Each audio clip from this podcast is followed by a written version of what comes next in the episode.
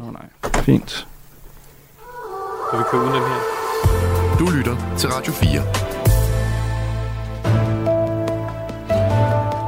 Velkommen til Det Blå Hjørne. Din vært er Morten Reimer.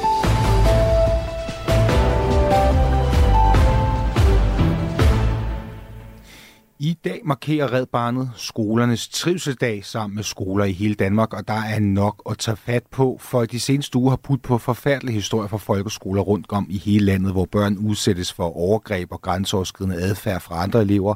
Der har også været historier med elever, der både verbalt og fysisk overfalder deres lærere. For at komme for at sætte ind over for det, der kommer Dansk Folkeparti med et nyt udspil indeholdende 10 forslag til, hvordan vi får ro på ro på og orden og tryghed tilbage i skolen. Men regeringen og flere blå partier, de ønsker at frisætte skolerne og indføre færre regler. Så hvilken vej er den rigtige at gå? Det skal vi finde ud af i dag. Velkommen til Det Blå Hjørne. Du lytter til Radio 4. Det gør du nemlig, og vi skal møde dagens øh, gæster. Den første det er dig, Lars Arne Christensen, Moderaternes børne- og undervisningsordfører. Velkommen til. Tusind tak. Lars Arne, jeg skal lige bede dig om at tage mikrofonen lidt ned, så vi også kan, kan høre, hvad du siger. Godmorgen. Godmorgen. Godmorgen. For at blive lidt i uh, skoleterminologien, så er du jo vikar i Folketinget. Ja, det er rigtigt. Glæder du dig til at komme ud igen? Øh, ja og nej. Øh, det er jo en meget spændende opgave, og også meget ærefuldt værv at få. Ja. Og Jeg er inde her tre måneder fra 1. jan til 8. 5. Jeg i virkeligheden øh, barselsvikar for Ja. Rasmus Lund Nielsen, som jo er vores øh, almindelige øh, børne- og han er gået på, jeg tror, jeg fik at vide, det hed farsel, så, Mm. så nu er det blevet øh, moderne, at fædre også skal på øh, fædreoverlov, og det bakker vi selvfølgelig også op om i Folketinget, og, og, og Rasmus er så gået på, på øh, fædreoverlov. Okay, men der er ikke sådan, du løber skrigende væk, eller hvad? Øh, nej, jeg har jo arbejdet på at komme i Folketinget igennem øh, to øh, omgange, og nu har jeg så fået mulighed for at komme ind her i, i tre måneder og komme på turnus, herinde, kan man vel kalde det. Ja. Men, men det er jo en, en særlig måde at, at komme på arbejde på, for, øh, for vi er jo en del af en regering hos Moderaterne, og det betyder også, at jeg får ordførerskaber, hvor jeg blandt andet sidder med til at forhandle folkeskolereformen. Så det er fra 0 til 100 på øh, ja, 24 timer, og, og gribe en stafet i, øh, i fart, og så også aflede den ved godt tilbage til Rasmus Lund Nielsen igen. Super. Og med os også er Helena Artmann An- Andresen, undskyld. Velkommen til. Tak. Du er Liberal Alliances børne- og undervisningsordfører. Mette Frederiksen, hun har sagt, at hun ville gerne have været skolelærer, havde hun ikke blevet politiker. Er det også noget, der lyder tillokkende for dig? Altså det, det er det faktisk, og jeg må sige, jo mere jeg sådan, altså, dykker ned i børn og undervisning, jo mere interessant synes jeg, og jo mere, altså jeg altid vidst, det var et vigtigt emne, men jo vigtigere er det også blevet for mig personligt, så jeg kunne godt forestille mig, at øh, jeg vil ende i en skole øh, med noget undervisning, eller hvad ved jeg, i hvert fald i den dur øh, efter Folketinget. Og den tredje og sidste øh, gæst i dag, det er dig, Mikkel Bjørn. Du er folketingsmedlem for Dansk Folkeparti. Velkommen til. Jo, tak. Du er jo tidligere skolelærer, Mm. og jeg tænkte, inden vi gik i gang med debatten, har du et godt råd til, hvordan man får ro i klassen? Jeg vil sige, uh, sætte sig igennem allerede fra dag 1, uh, stille sig op og byde velkommen. Og, altså, det handler meget om at sætte rammen og uh, kommunikere til eleverne, at, uh, at man er en, uh, de skal tage seriøst. Ja. Uh, selvfølgelig på en ordentlig måde, men uh, det vil sige, det er vigtigt. Førstehåndsindtryk betyder meget. Uh, Okay. Ja. Jamen, så vil jeg starte med at sige, at I skal tage mig meget seriøst, og I skal tage debatten seriøst. Og dig, der lytter med, hvis du også vil tage det seriøst, så kan du sende en uh, sms ind og med din holdning om folkeskolen, og hvordan du synes, vi løser de her problemer. Det gør du på sms 1424. Du lytter til Radio 4. Det gør du nemlig. Det startede med historier om fysiske overgreb mellem elever på Borup skole. Siden har medierne bragt historier fra blandt andet Mov skole i Nordjylland, hvor der blev slået, spyttet, sparket og kastet med ting. Lignende sager med grænseoverskridende adfærd har fået over 100 forældre til elever på Agerup skole i Odense til at underskrive et bekymringsbrev til flere myndighederne. På Hårup skole på Fyn må lære stå model til slag, spark, spyt, skub, riv i tøj og kast med genstande, viser en tilsynsrapport fra Arbejdstilsynet, som Radio 4 har fået aktindsigt i. Skal vi ikke starte, Helena, med lige at, at slå fast, overrasker de her ting der? Altså, jeg har jo godt været klar over, at det har foregået på nogle skoler. Det, der overrasker mig, det er, at ledelsen ikke har altså, grebet mere ind øh, og, og i kommunen er, er nogle af de her sager, hvad de har kendt til. Så det er det med, at det er blevet håndteret så dårligt, i hvert fald er det, der har været fremme i medierne indtil videre, at, at det er totalt altså ledelsen, der har, der har svigtet og indført øh, tissemakre, og, og hvad ved jeg. Altså, så jeg synes, det gennemgående er, at det er, der er en, en ledelse, der ikke har, har grebet ind, og altså, jeg bliver sådan ærligt lidt provokeret af, når at der, der står nogen fra skolen, og siger, her løser vi det med pædagogik og ikke med konsekvenser, når nogle af de her ting har stået på i mere end tre år, og børnene stadigvæk går i skole med, med dem, der har, har krænket dem, og, og der ikke er sket nogen forbedring. Ja. Jeg siger ikke, at man altid og det er altid nødvendigt at sende krænkeren væk, for det er også historier, hvor at det har kunne løses inden for skolens rammer, men når det bliver ved med at stå på i tre år, og forældre virkelig er bekymrede og har virkelig prøvet at tage fat i skoleledelse og sådan noget, synes jeg, at der skal ske noget anderledes. Og jeg synes, at det er vigtigt blandt andet, at altså forældrebestyrelserne, øh, skolebestyrelsen, hvor der er et overtal af forældre, skal kunne hyre og fyre skolelederen, fordi så tror jeg, det får flere konsekvenser, end at hvis det er kommunen, der sidder for bordenden, og skolelederen bliver en reel skoleleder igen, og ikke en slags mellemleder. Ja, men lige for at, at, at vende tilbage til starten, altså du er overrasket over den måde, man har håndteret det på, men du er overrasket over, at der ikke er blevet taget større konsekvenser, men ja. at det sker, det, det overrasker dig alligevel ikke? Nej, altså jeg vil sige, Mariette Risser, tidligere LA undervisningsminister, hun satte jo faktisk noget arbejde i gang med at undersøge vold i skolen, og hvad der skulle så kunne gøres øh, ved det. Og det valgte Pernille Rosenkrantz så at lægge i skuffen, og jeg har stadigvæk ikke fået svar fra Socialdemokratiet, hvorfor at det er blevet lagt i skuffen. Det er kendt, det er et ømt emne. Der er kommet rapporter ud med, at det er 37 procent af lærerne, der oplever vold altså i løbet af deres øh, i løbet af skoleår. Det er, det, det er ret vildt, det her. Så det er jo noget, der har været kendt. Men jeg synes ikke, at det har været fremme før, at ledelsen overhovedet ikke har trådt i kraft. Nej. Lars Arne Christensen, hvad hedder det? Er du heller ikke overrasket over det her? Det er vold lever imellem, det er vold imod lærerne, det er, øh, lyder nærmest som anarki. Er du slet ikke overrasket? Jeg ved ikke, om jeg er overrasket eller ikke overrasket. Altså, det er jo øh, altså, dybt beskæmmende, det foregår. Altså, man skal selvfølgelig som forældre kunne sende sit øh, barn øh, trygt i skolen, så det, det går jo ikke, at, øh, at man har den situation, som man har, hverken på Borup skole, eller Agerdrup, eller Mor, eller hvor det måtte være henne. Altså, det er jo ikke øh, en, en rimelig måde at have en skolegang på. Som forældre skal man kunne sende sit barn trygt i skolen, som barn skal man kunne være trygt i skolen, og de problemer, som der så opstår den her art, skal selvfølgelig håndteres i skolen. Øh, og, og så kan vi diskutere, om, om, om der er tilstrækkelige regler for det, eller om vi mangler noget, eller om der er nogen, der svigter, hvordan og hvorledes. Udgangspunktet er, at man som forældre skal kunne, sit barn, skal kunne sætte sit barn trygt i skole. Og det er jo helt tydeligt, det er der jo forældre i Borup skole, der ikke har kunnet, for ellers mm. ville de jo ikke have grebet til det, de har gjort. De har jo klaget, og de har jo også sådan underskrifter sammen jo ikke. Nu, nu nævnte du, hvad hedder det nu, bekymringsbrevet fra, fra Erdrup, men der var jo også en, en, en, en række forældre, der samlede øh, over 100 underskrifter sammen fra Borup skole og sendte til os politikere, som var det har, har Alene jo også øh, kigget ind i. Og du har, det, du har selv børn, der går i skole, er det rigtigt forstået? Jamen, jeg har jo haft børn, der går i skole. Du har haft børn, der går i skole. Har, har, har du som forældre, har du tænkt anderledes om den skole, de har gået på, efter de her sager er kommet frem? Øh, nej, det har jeg sådan set ikke. Altså, der har jo været de problemer på de skoler, der nu har været, så, så, så det har jo været, været kendt. Øh, så jeg vil ikke sige, at, øh, at jeg ikke være bekendt med, at der kan opstå problemstillinger på skoler, men, men, men de er jo så blevet håndteret jo. Øh, her oplever vi jo nok også noget, der på en måde ikke er blevet håndteret og har fået lov til at fungere over for lang tid. Øh, og, og det synes jeg er, er bemærkelsesværdigt. Og det er måske ikke så meget det, der er sket. For der kan jo ske ting på skoler. Vi har mange skoler, vi har mange elever.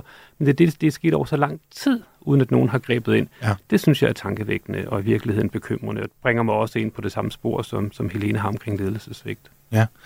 Og, og Mikkel Bjørn, er du heller ikke overrasket over, at elever overfalder hinanden og lærerne? Ikke det fjerneste. Er du virkelig ikke det? Nej, det er jeg ikke. Hvorfor ikke det? Øh, jamen, fordi at jeg har jo selv øh, været ude i, i skolerne, øh, også som vikar, inden jeg blev færdiguddannet, og opleve, øh, hvordan det foregår øh, på nogle skoler, og hvor lidt konsekvens der er over for, ja, hvad man vil kunne kategorisere som uhensigtsmæssig adfærd, men også nogle gange meget grænseoverskridende adfærd. Øh, så, så nej, jeg er ikke videre overrasket. Øh, det er jeg ikke. Prøv lige, prøv lige at, at, at, at fortælle mere om det. Du har selv været, været skolelærer, du har selv været lærervikar. Mm. Har, har du, hvad for nogle ting, at du har oplevet, siger du? Jeg kan jo ikke fortælle om specifikke episoder, men jeg har også oplevet altså elever, der har gjort mildt sagt, altså voldsomt grænseoverskridende ting, hvor der burde blive, blive skrevet hårdt ind fra ledelsens side. Hvad, men hvor, hvad, er, det, hvad er det for ting? Jamen, jeg kan jo ikke redegøre for de specifikke ting. Jeg har jo en tavshedspligt som skolelærer, men, men, men, men det er klart, altså jeg, jeg har oplevet øh, også øh, ledelser, som ikke har skrevet ind over for adfærd, hvor der helt afgjort burde være blevet skrevet ind øh, af øh, berøringsangst, eller frygt for, for vrede forældre, eller klager, eller noget andet, men, men, øhm, men hvor man burde have skrevet det ind.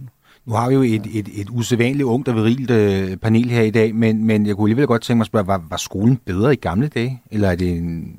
På nogle punkter er altså ikke sådan tvivl om, at der for år tilbage var mere øh, konsekvens og disciplin i folkeskolen. Det er jo ikke sådan, at vi skal tilbage til den sorte skole, men pendulet har svinget så langt i en retning, hvor at, altså nu var jeg igennem, øh, var det, jeg kan faktisk ikke huske, om det var Radio 4 den anden dag også, om, hvor jeg lige redegjorde for vores nye ordensudspil, hvor der var lytter igennem efterfølgende, som jeg egentlig synes satte fingeren meget på den tankegang, der har været i skolen igennem mange år, hvor han sagde, jamen hvis vi begynder at sanktionere eller disciplinere eleverne for øh, grænseoverskridende adfærd, jamen så er vi jo tilbage ved den sorte skole. Og det synes jeg bare, det er sådan en fuldstændig vanvittig tankegang, at det, at, at man har sanktioner for uhensigtsmæssig adfærd, at det på en eller anden måde er ensbetydende med den sorte skole. Nej, selvfølgelig. Altså, øh, børn, såvel som alle andre mennesker, skal jo lære, at der er konsekvenser ved, øh, ved øh, dårlig adfærd.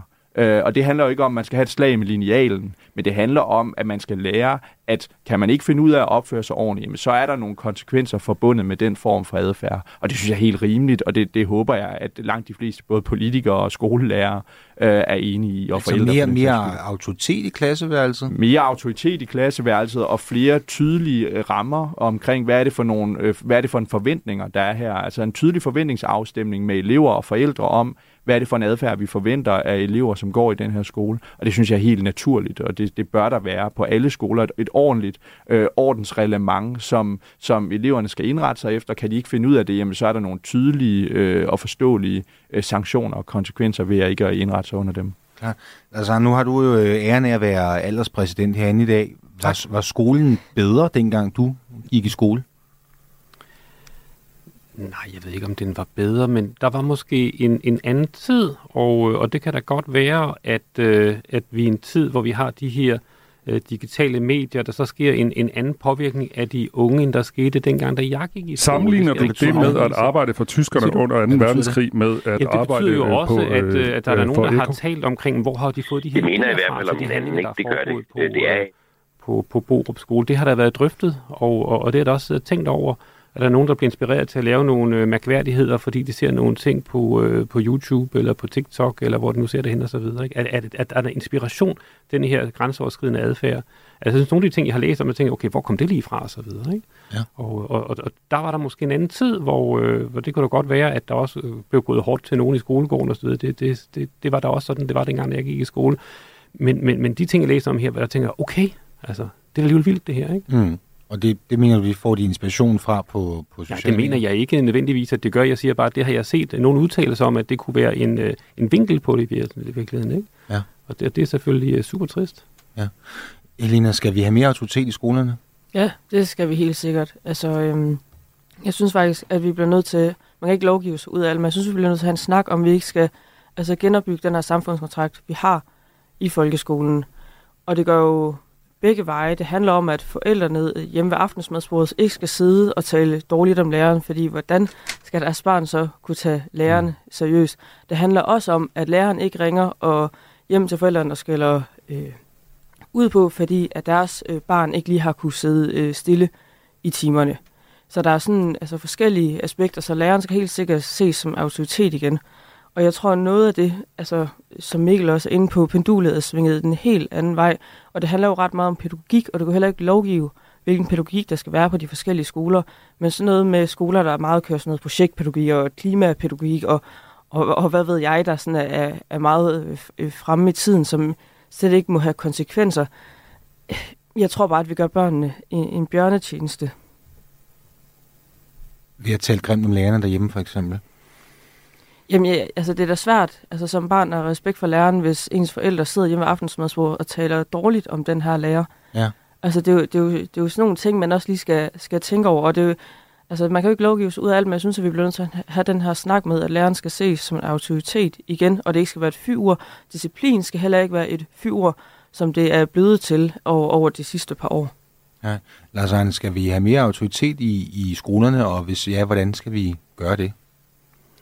Jeg er jeg er jo helt enig i, at eleverne selvfølgelig skal have respekt for læreren. Altså det, det, det synes jeg må være tydeligt. Det er læreren, der er leder undervisningen, så derfor skal den del af magtbalancen jo på en eller anden måde være på plads i et, et, et klasseværelse. Øh, vi har også i dag et, et ordensreglement, som faktisk giver, giver vide muligheder for også at øh, sanktionere øh, dårlig adfærd, så man kan give eftersidninger, man kan sætte børn ud for døren.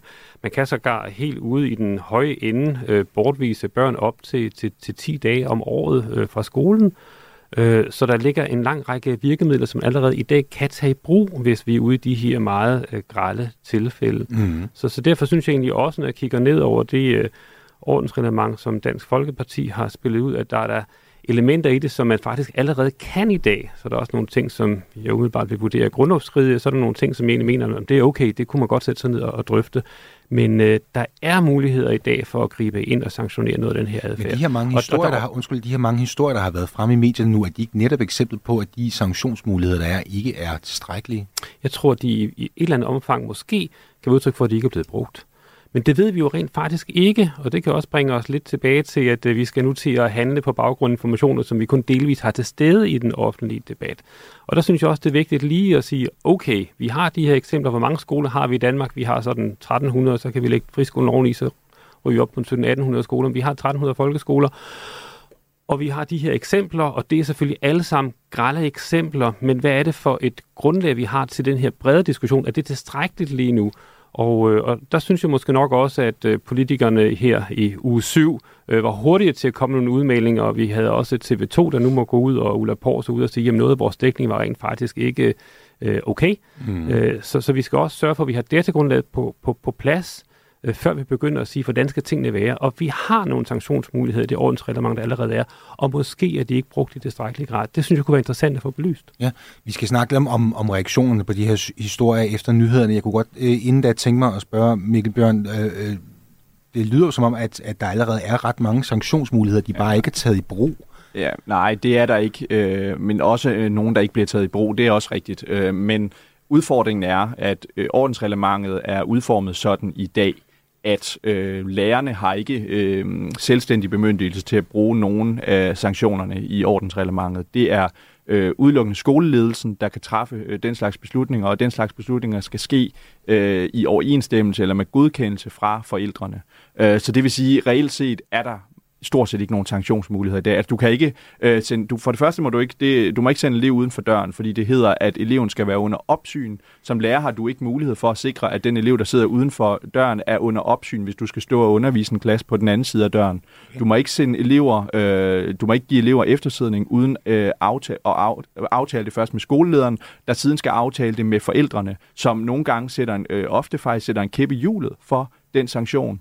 Øh, du må ikke øh, sende elever hjem uden godkendelse fra forældrene. Så øh, de sanktionsmuligheder, som Lars Arne taler om, der allerede eksisterer i vidt omfang, de eksisterer i realiteten ikke og bliver stort set ikke brugt på skolerne i dag. Nej. Elena, skal vi tilbage til eftersidninger? Er det det, og ud for døren? altså, det er da ikke noget... Øh, altså, jeg vil stille mig i vejen for, at øh, diverse øh, skoleledere gør sig brug af. Jeg tror også, at det er vigtigt at huske på, at jeg tror, at nogle af de her sager, der har været fremme, tror jeg ikke, at det havde hjulpet særlig meget med et øh, øh, ja, større ordensreglement, hvor, hvor der var flere værktøjer i kassen, fordi at, at det, der lidt går igen, det er, det er dårlig ledelse. Jeg er lidt i tvivl om, hvor meget af det her, der egentlig har, har været i brug, men jeg synes, at Dansk Folkeparti har, har, har fat i nogle øh, gode ting, og jeg synes også, det er vigtigt at huske på, at når øh, DF og LA har været ude og sige, at vi ønsker en styrkelse af ordensreglementet, så er det ikke noget politik, vi lige har opfundet på baggrund af sagen til Bo. Jeg ved, DF har sagt det i mange år, og vi har også, også sagt det i, i et par år efterhånden. Så øh, ingen ny politik, det synes jeg bare er vigtigt at slå fast. Vi skal ikke lave politik på enkeltsager. Vi skal også lige have en uh, sms, vi har fået fra en uh, pensioneret lærer. Hun skriver, mm. børnene har krav på uddannede lærere, og dem er der absolut for få af og for mange børn har en usikker dagligdag med utrygge forhold hjemme. Mikkel Bjørn, er, er det rigtigt, at der er for få uddannede lærere, at der mangler mere faglighed i skolen, og det vil kunne afhjælpe noget af det her? Jamen, det er der ingen tvivl om. Altså, som en person, der har gået på læreruddannelsen, og også øh, for relativt nylig, så selv øh, uddannet lærer er ikke godt nok uddannet. Altså, læreruddannelsen er øh, ikke øh, voldsomt godt øh, konstrueret. Altså, der, der er rigtig meget øh, faglighed, øh, som mangler, øh, og der er enormt stort fokus, er mit indtryk i hvert fald, øh, på... Øh, på øh, undervisningsmodeller og kreative teorier og alt muligt andet, som man ikke øh, bruger ude i praksis. Og de ting, man så bruger ude i praksis, altså øh, orden, hvordan skal, øh, laver man en god klasserumsledelse, hvordan har man godt samarbejde med lærere og forældre, hvordan laver man en årsplan, og alle de her praktiske ting, som er det, der, der udgør en god lærer, det er der utrolig lidt fokus på på læreruddannelsen i dag. Så der er ingen tvivl om, at vi, vi har mangler øh, gode lærere og uddannede lærere. Der er også for meget brug af vikarer, hvilket også handler om, at rigtig mange øh, lærere, gode lærere, af de gode lærere, flygter fra folkeskolen i øjeblikket, netop fordi at privatskolerne og friskolerne har nogle sanktionsmuligheder, som folkeskolen ikke har i dag. Så der, så der er rigtig mange ting, og det er jo ikke, det er jo ikke sådan, det kan, altså problemerne kan ikke koges ned til én årsagsforklaring, men, men helt generelt handler det om, om mangel på god orden og, og disciplin i folkeskolen. Prøv lige at fortælle mig en gang, hvad er det, man lærer på lærerseminaret i forhold til at blive slået af en elev, som man ikke ville vide, hvis man var lærervikar? Det, det du ikke lærer øh, på, på, øh, i, i høj nok grad på læreruddannelsen i dag, det er jo eksempelvis sådan noget, hvordan har man et godt samarbejde, øh, skole og forældre, øh, hvordan kommunikerer man omkring udfordringer, øh, tidlig intervention øh, osv. osv. Øh, hvordan, hvordan, øh, hvordan rammesætter man en undervisning på en måde, hvor, hvor der er ro og orden. Altså der er rigtig mange ting, øh, som også bare handler om, hvordan strukturerer man sin undervisning på en måde, der gør, at eleverne rent faktisk er øh, interesserede og nysgerrige. Øh, og altså, jeg synes, nu taler jeg jo bare ud fra min egen øh, erfaring. Jeg kan jo ikke tale på vegne af alle, øh, der har gået på læreruddannelsen, har også kun gået på en jo. men, øh, men min erfaring er, at der er rigtig mange ting, som skal forbedres på læreruddannelsen i dag, hvis vi ønsker at have gode og kvalificerede lærere på den anden side. Du nævner også, at, at der er en, en, en flugt af uddannede lærere til mm, ja, det private og friskoler. Er det rigtigt forstået? Ja. ja. Hvor er det, at giver det ikke nogle, nogle bedre friskoler end øh, folkeskolerne? Jo, det gør det. Ja. Men det er jo også folkeskolens udfordring. Ja. Altså, er det rigtigt, at hvis man vil have den bedst mulige undervisning til sine børn, så skal man gå til en friskole? Det skal jeg ikke turde udtale mig om. Altså, vi har jo øh, friskoler, fordi vi har mulighed for det. Forældre kan starte friskoler, og friskolerne kan have forskellige sigtepunkter. Øh, min far har været med til at, at danne en, en, en, en friskole, og, øh, og det har været en, en fin succes. Øh, jeg har den, det største hjerte for folkeskolen, og synes, vi skal gøre det absolut det bedste for alle vores elever. Men der er forældre, der vil nogle andre ting, og derfor har vi skabt mulighed for at skabe andre skoler. Det synes jeg også er et gode. Så en, en, en fin balance mellem det ene og det andet, synes jeg selvfølgelig er, er rigtig godt. Nu nævner Mikkel Bjørn det her med, at hvis man i dag skal give en eftersidning til en elev, så skal det være via skolelederen, som så aftaler det med forældrene. Det virker noget om på mig at give en, en eftersidning. Er, er det noget, vi skal kigge på? der er flere elementer i det. Altså, der er også nogle orkestreringer, som Mikkel Bjørn sidder og nævner her, hvor man skal spørge skolelederen, og der skal være nogen, der kan lave opsyn over den elev, der er sendt uden for døren osv. Så, videre. så selvfølgelig skal tingene, når, når vi har de her sanktioner, foregå på en god og ordentlig måde. Mm. Og, og, og det synes jeg er vigtigt. Øh, man kan også sige, at øh, hvis vi kigger ind i øh, grundlovens øh, paragraf 76, så har alle børn i den skolepligtige alder ret til undervisning i folkeskolen, og det vil sige, at man kan heller ikke bare sådan sende børn ud i det blå. Øh, et af punkterne i øh, DF's øh, ordensreglement, det er, at elever skal kunne bortvises, mm. uden der nødvendigvis er et undervisningstilbud i den anden ende, og det er altså grundlovsstridigt. Ja. Og der vil jeg så også bare sige, at øh, sender man børn hjem, øh, også for en længere periode end, øh, end 10 dage, hvil, hvilket man måske kunne begynde at drøfte, om man skulle, øh, med, med afsæt i, i det, som ligger fra DF, og hvad folk i øvrigt går og slutter med hinanden om, så skal man også være sikker på, at der er et undervisning, undervisningstilbud til dem derhjemme. Og ender man med at isolere børn i en lang periode, skal man også passe på, at man ikke ender med at sætte de her børn i en situation, hvor vi virkelig har skabt en øh, indskoling til Hells Angel og Banditers. Altså, vi skal virkelig passe på, hvad vi gør i denne situation. Jeg synes, det er vigtigt, og det synes vi også moderaterne, at uanset hvilke sanktioner vi laver, skal vi også ligesom have børnene tilbage på banen igen mm. i et mhm. skoleregi, hvor vi ligesom kan få, få det med som en del af fællesskabet, men selvfølgelig under betingelse, at de kan overholde de regler og, og strukturer, som vi nu har skabt. Så det vil sige, altså drenge typisk, som skaber problemer i skolen, de skal ikke have mindre skole, de skal virkelig have mere skole, for ikke at komme ud på en forkert løbebane.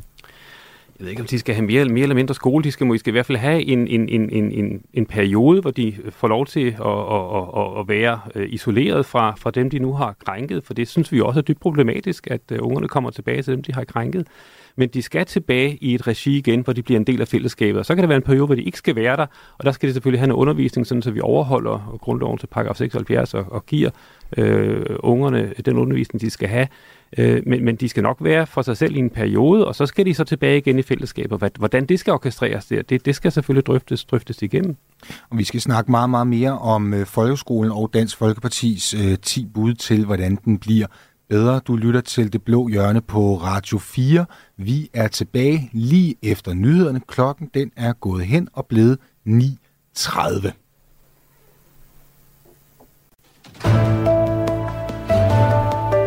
Du lytter til Det Blå Hjørne. Din vært er Morten Reimer.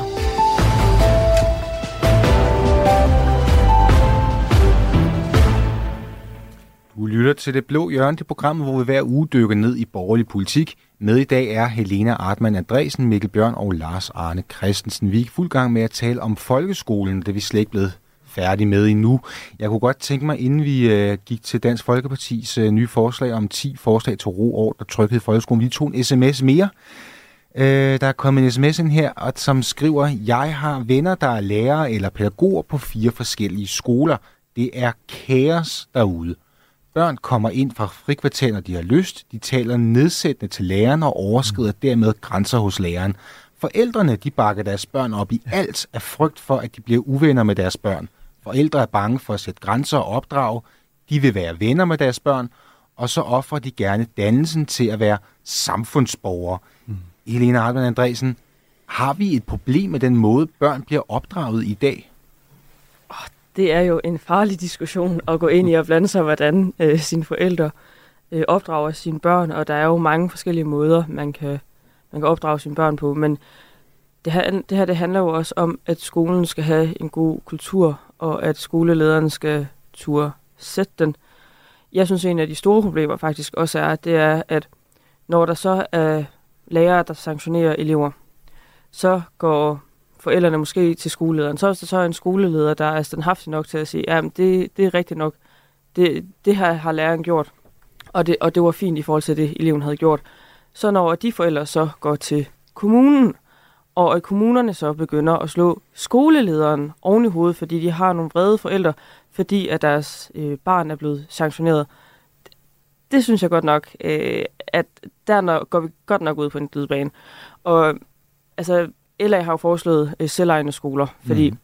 jeg tror, det vil gøre rigtig meget godt for folkeskolen, hvis skolelederen blev skoleleder igen, og ikke en mellemleder, der var klemt øh, i kommunen. Og få øh, friere rammer, ligesom fri- privatskolerne, de også har. Men man, man må gå ud fra, at de fleste forældre vil som udgangspunkt gerne gøre det godt for deres børn. Det er ja, måske bestemt. også derfor, de bakker deres børn op i alt, sådan som sms-skriveren her skriver. Man gør de i virkeligheden deres børn en bjørnetjeneste? Ja, altså, øh, de forældre, der bliver hensydet øh, til ham. Men igen, øh, jeg, jeg, vil, jeg, jeg har det lidt svært ved at være, være dommer over forældres opdragelse på den måde af, af deres børn.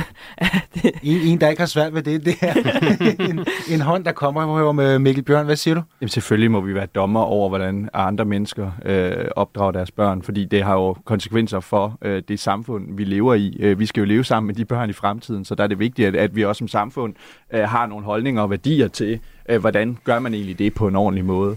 Øh, og der er slet ingen tvivl om, at der er for mange forældre, der, der opdrager deres børn øh, pakket ind i bobleplast. Øh, det har jeg selv oplevet som lærer, altså hvor man har påtalt noget over for forældre og har mødt sådan en utvetydig opbakning fra forældrene til børnene, selvom at alle, hvad skal man sige, øh, der har måske ovenikøbet været andre lærere og elever, der har bevidnet en eller anden episode og sagt, prøv vi har set det her, hvor forældrene siger, at vores barn siger, at, at det, det har han ikke gjort, og vi stoler på vores barn, og det er bare sådan, altså undskyld, mm. altså hvad, hvad er det for en verden, vi lever i? Altså, så, så er der ingen tvivl om, at der er, der er et problem i forhold til det, men der handler det jo også om, at skolerne har mulighed for at tilrettelægge nogle rammer og, og, og nogle, nogle øh, regler, som gør, at forældrene også forstår, at det er de regler, der gør sig gældende her, og kan man ikke finde ud af at tilpasse sig under dem, jamen så, øh, så er der nogle sanktioner og konsekvenser ved det. Øh, og det er klart, at hvis det hele er så, øh, hvis, hvis ordensreglementet og, og, og de overordnede rammer på skolerne er så øh, så ukonkrete, at, også forældrene bliver i tvivl om, hvad det egentlig er for nogle regler, der gør sig gældende, jamen så, så, så, så møder man de konflikter der langt, langt oftere, end hvis det er meget tydeligt, hvad mm. det er, der gør sig gældende på skolerne. Lars Arne Christensen, øh, Moderaterne, sender forældre nogle uvågne børn i skolen? Skal vi være bedre til at opdrage dem godt hjemmefra, så de kan fungere på skolen? Nu, nu har jeg haft børn i en række forskellige skoler, og jeg er også øh, aktiv i, i, i Lyngby omkring de skoler, vi har. der. Øh, jeg har fået lov til at køre et spor på Engelsborgskolen omkring teknologi for eksempel. Og, og der kan jeg, og det gør jeg så øh, hver anden sæson stort set, øh, sidde med øh, hele 8. og 9. klasse og tale teknologi med dem igennem øh, to lektioner, og de er optaget, interesseret og nysgerrige og stiller fede spørgsmål og lytter og kommer med kommentarer. Jeg kan også køre nogle forløb med dem, hvor de skal øh, bygge en egen idé op, som de kan pitche til en startup, hvis de gerne vil det. Så jeg oplever også på en eller anden måde, at hvis man ligesom prøver at, at fange de unge mennesker der, hvor de er, med de tanker, som de har omkring den tid, som de lever i, så får man måske også nogle gange et, et lidt andet engagement. Ja. Og, og, og det kan så godt bringe os lidt tilbage til, til rollen omkring at være autoritet og, og, og, og kunne sætte en linje i klassen, men der er måske også noget med interessefeltet i ens lederskab, hvordan man leder de unge, kan man fange dem der, hvor de er? Er der noget i det?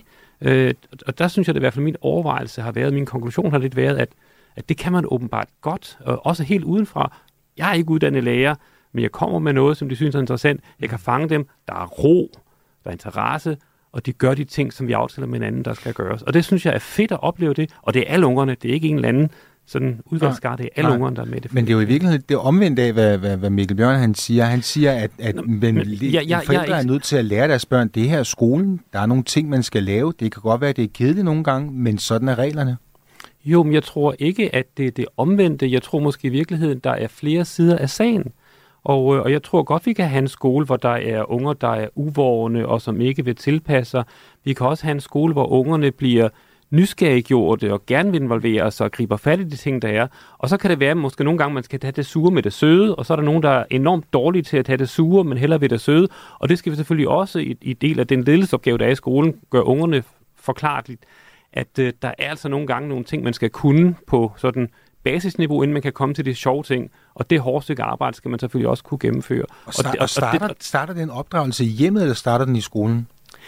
Jeg er jo ret enig med Helena i, at det er forældrene, der har opdragelsesansvaret, og man kan opdrage børn på forskellige måder. Vi har jo et liberalt samfund, så derfor er der ikke nogen, der kommer og siger til forældrene, at man skal opdrage børnene på den ene eller den anden måde. Det er selvfølgelig klart, når børnene kommer i skolen, så skal man Altså dels er det jo læring for livet, men det er også noget med at være en god kammerat. Og det der med at være en god kammerat, det rækker altså ud over en selv, og det rækker ind i et fællesskab. Og der kan jeg da godt måske, når jeg hører på nogle af de her adskilte sager, vi nu har haft indtil videre. Jeg vil kalde dem adskilte sager, som dog peger i en retning, men det er ikke nødvendigvis en større tendens, det ved vi ikke endnu.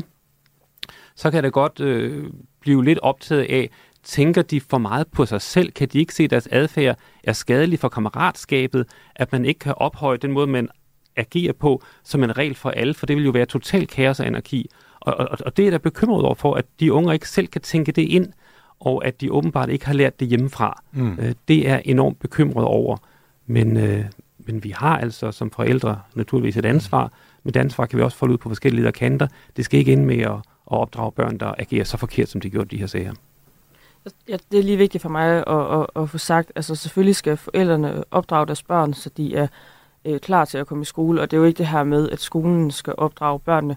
Og jeg tror også, det er vigtigt, at når vi taler om de her sager, som der også er øh, flere psykologer, der har været ude at sige, at vi skal huske, at der er altså også ofre øh, på den anden side. Og jeg har godt nok været ude og få hug af det, at jeg også har ondt af de børn, der, der gør de her skrækkelige ting ved andre børn. Man skal bare huske, hvad de også kommer fra. De kommer måske fra et hjem med svigt, eller de selv har været udsat for noget af det samme. De er måske øh, mentalt bagud i, i forhold til deres øh, klassekammerater, har nogle udfordringer den vej rundt om. Så jeg synes også, at man, man skal lige huske, hvilke børn der er, man også øh, øh, taler om, og, og vi må endelig ikke komme til at give de her altså, børn ansvaret. Det er skolens ansvar og forældrenes. Skolens og forældrenes ansvar. Vi skal tale lidt om, om øh, Dansk Folkepartis øh, nye forslag, der hedder 10 forslag til ro, orden og tryghed i folkeskolen. Uden at løbe dem alle sammen igennem, så er der blandt andet sådan noget som, at øh, voldelige elever skal kunne bortvises, øh, ro og orden i centrum, mobiltelefoner hører ikke til i skolen. Lars Arne, du sagde inden øh, nyhederne, at du mener noget af det her er grundlovsstridigt. Hvad, hvad betyder det? Jamen det betyder, at øh, alle børn i Danmark i den undervisningspligtige alder, de har ret til et øh, undervisningstilbud i øh, folkeskolen. Ja. Og øh, det er sådan, det står i grundlovens øh, paragraf øh, 76, sådan lidt øh, øh, refereret her. Ja. Og, øh, og, og hvis man bare bortviser børn sådan ud i det blå, øh, hjem til et, et hjem, måske endda som Helena retligt siger her, med sociale problemstillinger osv., så får de jo ikke noget undervisningstilbud derhjemme. Så det skal ligesom stilles til rådighed på en eller anden led. Og hvis vi taler omkring at bortvise i de 10 dage, som vi nu har i, i vores øh, lovlige nu, så skal der i de 10 dage være et undervisningstilbud derhjemme på en eller anden måde, okay. som svarer til det, de ellers ville have fået i folkeskolen. Og skal vi ud over de 10 dage, som jo så ligger i det oplæg, som er fra Dansk Folkeparti, når man siger bortvise, så er det sådan lidt for godt, øh, så, så bryder vi simpelthen med den regel, vi har i grundloven, ja. paragraf 76. Men lad os da høre en gang, Millebjørn, fordi det, det, det lyder jo nemt nok. Du har et barn, der skaber nogle problemer. Mm. Ud med ham eller hende. Problemet løst. Men vel ikke for det enkelte barn, som så ikke kan gå i skole længere. Hvad, hvad skal der ske? Det er klart, der skal jo sættes ind med nogle andre tiltag, øh, men det, det der er udfordringen i øjeblikket, det er, og det er der, hvor Lars Arne tager fejl, det er, at det er jo ikke den enkelte øh, skole, den individuelle skole, som skal have ansvaret for at sikre den elevs undervisningstilbud. Det er jo staten, som har det ansvar. Og det er jo der, hvor skolerne i øjeblikket øh, lever under øh, en idé om, at hvis ikke de kan sikre et undervisningstilbud for den elev, som altså måske altså udøver meget grænseoverskridende adfærd. Der er en, en skole eksempelvis, hvor at nogle elever er blevet tvunget til at drikke urin eksempelvis. Altså hvis en elev har udsat andre elever for det, så er det øh, skolens ansvar at sørge for, at den elev ikke forpester hverdagen og ødelægger undervisningen for de andre elever. Og det skal være konsekvent og med det samme. Og så må staten så øh, sidenhen skride ind øh, med nogle muligheder for anderledes undervisningstilbud. Og hvad, hvad betyder Men, det? Jamen det betyder, at øh, i øjeblikket, der øh, lærer øh, mange skoler øh, de elever fortsætte med at gå på skolen. Det er også det, vi har set i Borup eksempelvis, hvor nogle elever ikke er blevet bortvist til trods for den meget grænseoverskridende adfærd, de har udøvet. Øh, fordi at skolerne øh, lever under den, øh, hvad skal man sige, idé, at de er tvunget til at sikre det undervisningstilbud. Det betyder, at mange skoler i dag øh, tillader voldsomt grænseoverskridende adfærd, altså både over for lærere og andre elever, øh, igennem meget lang tid, uden at skride ind med konsekvens. Øh, og det, det den, den er jeg med på, Ja. ja. men, men, men det jeg spurgte ind til, det er, hvis du siger, at staten skal så komme med et alternativt Mm. mm. undervisningstilbud, hvad, hvad er det? Jamen, det kan jo være rigtig mange ting, og det er jo, det er jo noget, der skal vurderes på individuel basis, hvad det helt præcis er for et undervisningstilbud, men, der men, giver men mening jeg, i jeg den kender dig her. jo godt nok til at vide, du kommer ikke med et, et, et oplæg med 10 forslag mm. til, hvordan skolen skal være anderledes, uden at tænkt det igennem. Hvis man bortviser et barn, mm. så har det her barn jo stadig krav på undervisning. Hvor skal den undervisning komme fra? Jamen, der, der, det er jo der, staten skal foretage, og der må jo nedsættes et, et organ, der skal foretage en individuel vurdering i forhold til den enkelte elev, men det, det kan jo variere meget fra elev til elev, hvad det er for et undervisningstilbud, der giver mening i den konkrete situation. Men udfordringen i dag er, at skolerne selv øh, ved meget grænseoverskridende adfærd ikke bortviser elever, som ødelægger for pester hverdagen og undervisningen for de andre elever. Og så siger, så der er det der, Lars Arne siger, at, at jævnfør grundloven, der har eleverne ret til undervisning i folkeskolen. Jamen udfordringen er i øjeblikket, at der er nogle elever, store grupper af elever, der i dag ikke kan modtage den undervisning, de har ret til i folkeskolen, fordi enkelte elever ødelægger undervisningen for, for de andre elever, som ellers ville, ville kunne modtage en, en kvalificeret undervisning. Ja, Og- ja, ja, og- Mikkel, jeg, jeg, jeg er ked af at botanisere det her, men Ja. ja. jeres bud nummer, bud, øh, punkt nummer 6, det hedder mm. slut med at sende aben videre. Ja. Skolerne i en kommune skal ikke længere kunne bytte eller Mm. overtage hinandens uregerlige elever. Ja. Vil det ikke sige, at hvis du bortviser en elev, som skaber problemer, og som ikke skal kunne sendes videre til en anden øh, skole i den her kommune, nej. hvad sker der så med den enkelte elev? Det, det betyder ikke, at den skole ikke må optages på en anden skole. Det betyder, at skolerne må ikke lave interne bytteaftaler. Udfordringen er i dag,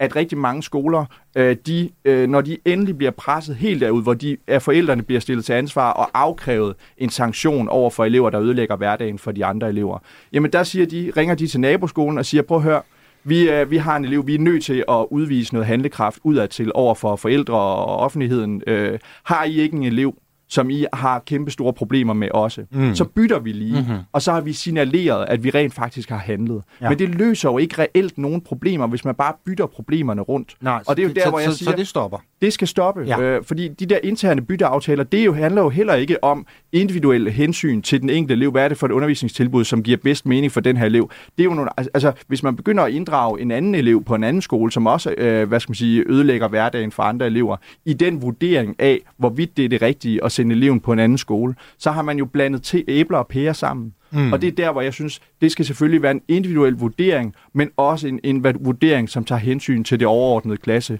øh, hvad skal man sige, undervisningsmiljø for de andre elever på den skole, hvor, Så hvor hvis, den jeg, elev hvis jeg forstår dig ret, lige nu foreligger der altså ikke en, en endelig løsning på, hvor, hvor skal det her problem med liv så, så Ja, fordi det, er jo, det vil jo altid være en individuel vurdering, og det kan jo variere meget fra elev til elev, alt efter hvad det er for nogle udfordringer, den elev har, om det er noget opdragelsesmæssigt, om det er en diagnose eller nogle helt andre ting. Så det vil jo være en individuel vurdering. Men det, der er hvad skal man sige, hovedfokus her, det er det overordnede klassemiljø og undervisningsmiljø, fordi de øh, andre elever i klassen, som i dag får ødelagt deres undervisning, er enkelte elever. Lars Arne, hvis, hvis det nu havde været en, en skole, hvor dine børn gik på, eller en klasse måske endda, som en af dine børn var en, var en del af, og der var den her elev, som, som på alle måder var et problem, vil du ikke som forælder sige, væk med ham? Øh, jo, det vil jeg helt sikkert sige. Og, og, og, og så, så er vi jo så tilbage til, jamen så skal den her elev jo bare hen til en, en anden klasse, eller en anden skole, og så fortsætte sin dårlige adfærd der. Ja, øh, men, men problemstillingen er jo bare her, at, øh, at jeg, jeg tror ikke, at jeg er så meget anderledes end så mange andre forældre, og den ærlighed skal vi da have. Mm. Øh, vi har bare skruet vores land sammen på en måde, så vi har nogle love og regler, som vi agerer efter. Så mm. uanset hvad jeg individuelt måtte mene, så har det barn et krav på undervisning.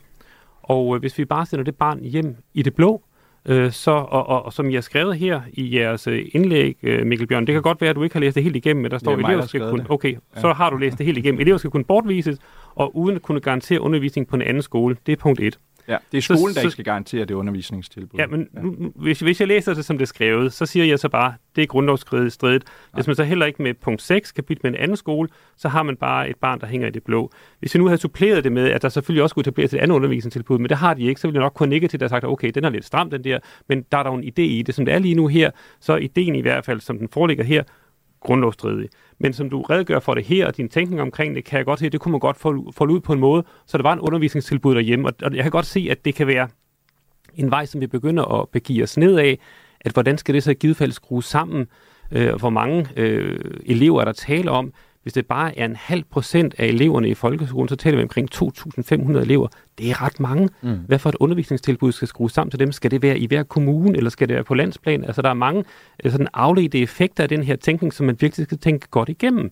Så man kan godt komme med sådan en, en hurtig udmelding. Der var også øh, SF var ude og sige, at vi skulle have en national taskforce sådan på anden dagen, og jeg blev også selv spurgt, om jeg ville udtale mig lynhurtigt omkring, hvordan vi skulle løse det her. Øh, vi bliver nødt til at sætte os ned og tænke os om, og så komme med en, en god handlingsplan for, hvordan vi får løst de bredere tendenser, der kan være i det her. Sådan, så det ikke bare er en enkelt forælder, der siger, ud med ham, men som vi som samfund har en ramme og håndterer det indenfor. Ja, nu siger du hurtige udmeldinger, og der har jo været mange hurtige udmeldinger om, omkring det her.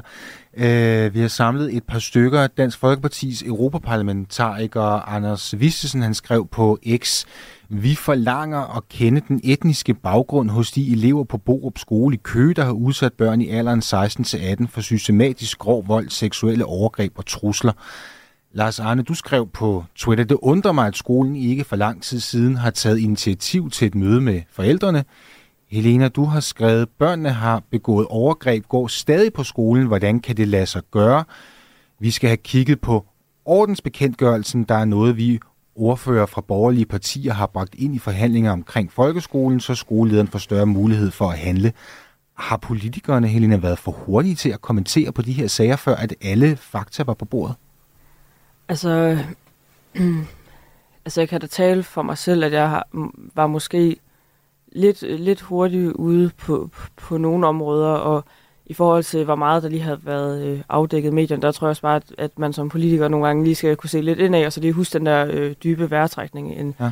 en, en gang imellem. Men, men jeg mener stadigvæk øh, det, jeg har haft, haft skrevet. Mm. Ja. Men det er gået for hurtigt. Ja, for mig selv kunne jeg måske godt lige have, have, Ja. have, have trukket vejret en, en gang mere. Jeg tror bare, det er fordi, at man...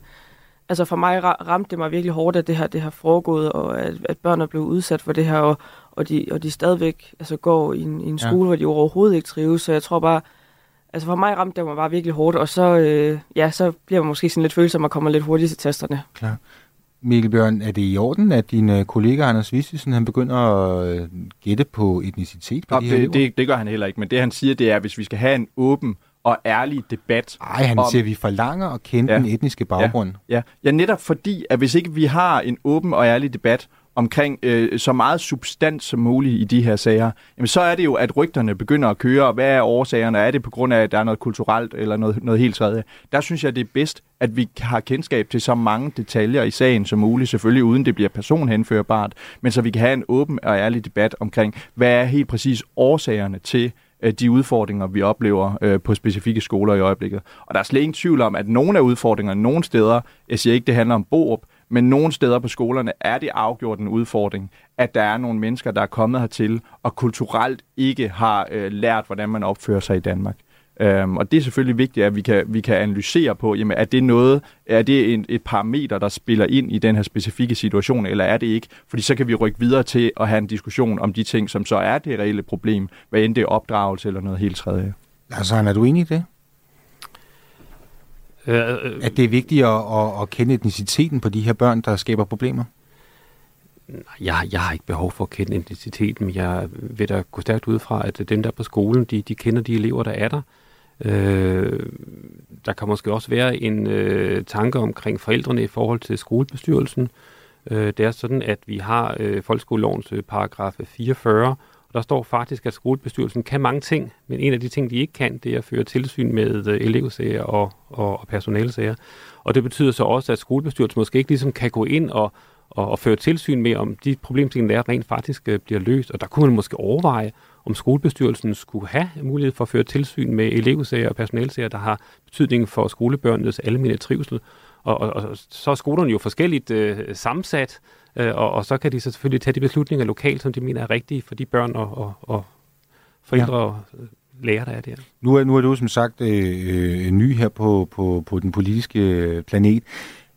Oplever du et, et pres, når du kommer ind og møder dine presserådgiver og dine kommunikationsrådgiver inde i Moderaterne, for at skulle markere dig hurtigt på sådan nogle her hot topic-sager?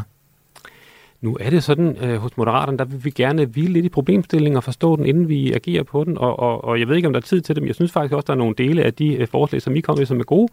Så det vil jeg gerne give. Altså det moderate synspunkt er ligesom at kigge tingene igennem og, og, og finde elementer, som er interessante. Og der er noget med en, en bindende opførselskontrakt, som vi synes er spændende. Mm. Øh, og der er også selvfølgelig det omkring ro i klassen. Så, så vi vil gerne kigge tingene igennem, og så sortere dem og sige, det synes vi er øh, godt, og det synes vi måske ikke er så godt. Og her kan vi måske ikke lige helt udtale os endnu, fordi vi gerne vil have nogle flere data. Det gør så, at vi bliver måske ikke så handlingsorienteret, men vi vil gerne skabe løsninger, der rent faktisk fungerer over lang tid.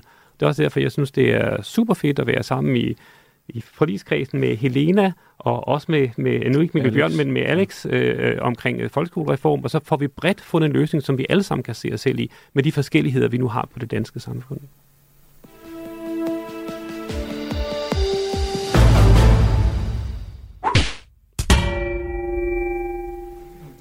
Hvis du skulle være i tvivl, så lytter du til Det Blå Hjørne i dag med Moderaternes Lars Arne Christensen, Dansk Folkepartis Mikkel Bjørn og Liberal Alliances Helena Artmann Andresen.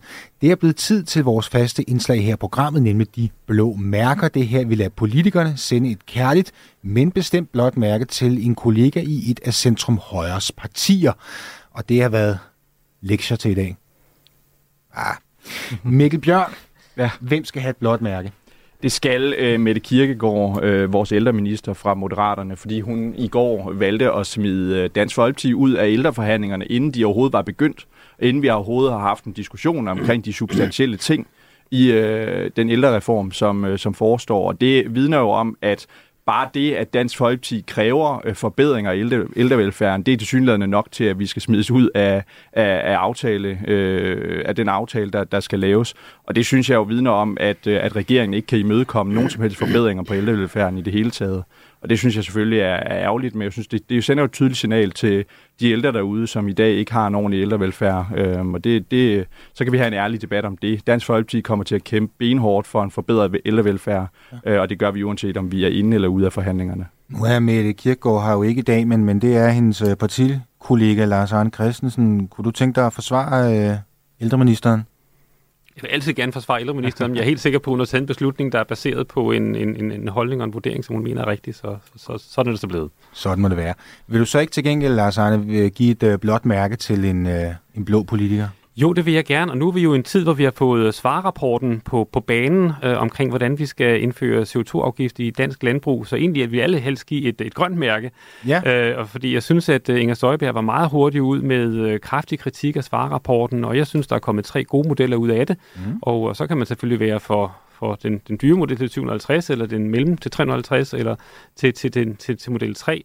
Men uh, Inger Støjberg, hun afviser det hele, og hvis det ikke tager del i det, så vil allerhelst give Inger Støjberg et uh, grønt mærke. Et grønt mærke Så til sådan er Inger. Støjberg.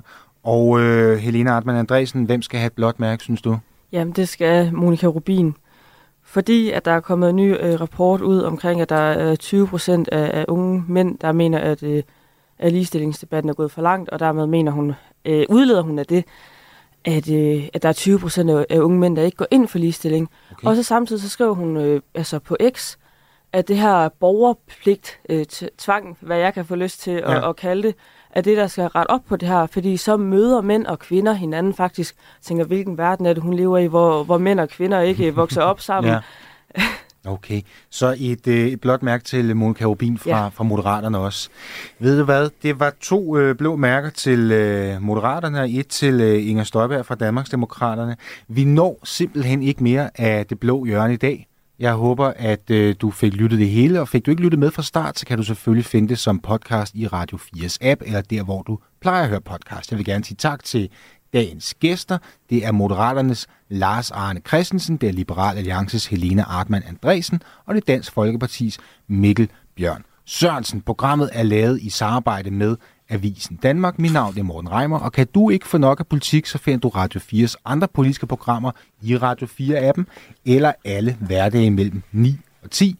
Lige om lidt, så er der nyheder og bagefter. Ring til Radio 4. Tak fordi du lyttede med, og have en rigtig god weekend. Klokken er du har lyttet til en podcast fra Radio 4. Find flere episoder i vores app, eller der, hvor du lytter til podcast.